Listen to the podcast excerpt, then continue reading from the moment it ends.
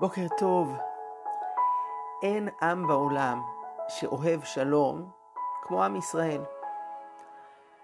כמה אנחנו מתפללים למען השלום. הרי כל תפילת שמונה עשרה מתפללת בכמיהה, שים שלום, טובה וברכה. כמה היינו מוכנים לוותר למענו במהלך ההיסטוריה. כמה אנחנו מאמינים בו ולפעמים בגלל זה נוטים לחשוב שגם הצד השני רוצה שלום כמונו ונופלים בפח. אבל מתברר שבסופו של דבר הדרך להגיע לשלום עוברת דרך הכוח והעוז. השם עוז לעמו ייתן, השם יברך את עמו בשלום. ולפעמים אין ברירה. מי שרוצה לשלום, צריך גם להיות מוכן למלחמה. כי כשאתה נמצא בין 70 זאבים, אתה לא יכול להרשות לעצמך להיות כבשה.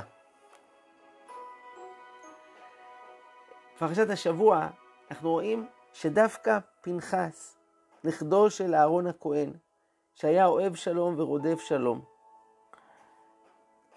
כהן הוא זה שאמור לברך את ישראל באהבה, להשפיע נעימות, להשפיע חיבור ושלום, הוא זה שלוקח את החרב והורג את זמרי בן סלו, וכתוצאה מכך הקדוש ברוך הוא מברך אותו בברכת השלום. הנני נותן לו את בריתי שלום. כי גם כשאנחנו אוחזים בחרב, זה לא לשם הרס, זה לא מתוך אכזריות, זה לא במטרה סתם להחריב. בסופו של דבר המטרה שלנו היא השלום. וכדאי שהאויבים שלנו ידעו, בסופו של דבר עם ישראל ינצח. מכאן ואילך, הבחירה שלהם, האם להצטרף איתנו, להשלים עם העם היהודי ולהתברך בברכות שלו. מברכך ברוך, אמר בלעם הרשע. כל מי שמברך את עם ישראל, מתברך מזה.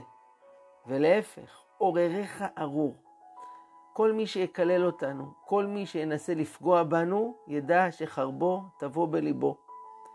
והוא רק יפסיד מהדבר הזה. כי עם ישראל בא להביא לעולם ברכה, להביא לעולם שלום. וכולם מוזמנים להצטרף אלינו ולהתברך איתנו. ומי שלא, עם ישראל ידע לעשות מה שצריך כדי לנטרל אותו, לא לאפשר לו למנוע את הטוב ואת האור שצריך לבוא לעולם. נקדיש את הדברים להצלחתם של לוחמי צה"ל, שבשעות אלו עושים את מלאכת הקודש. ייתן השם את אויבינו הקמים עלינו ניגפים לפניהם, וישובו כולם לביתו, לביתם לשלום, וישראל ישכון לבטח. בוקר טוב ובשורות טובות.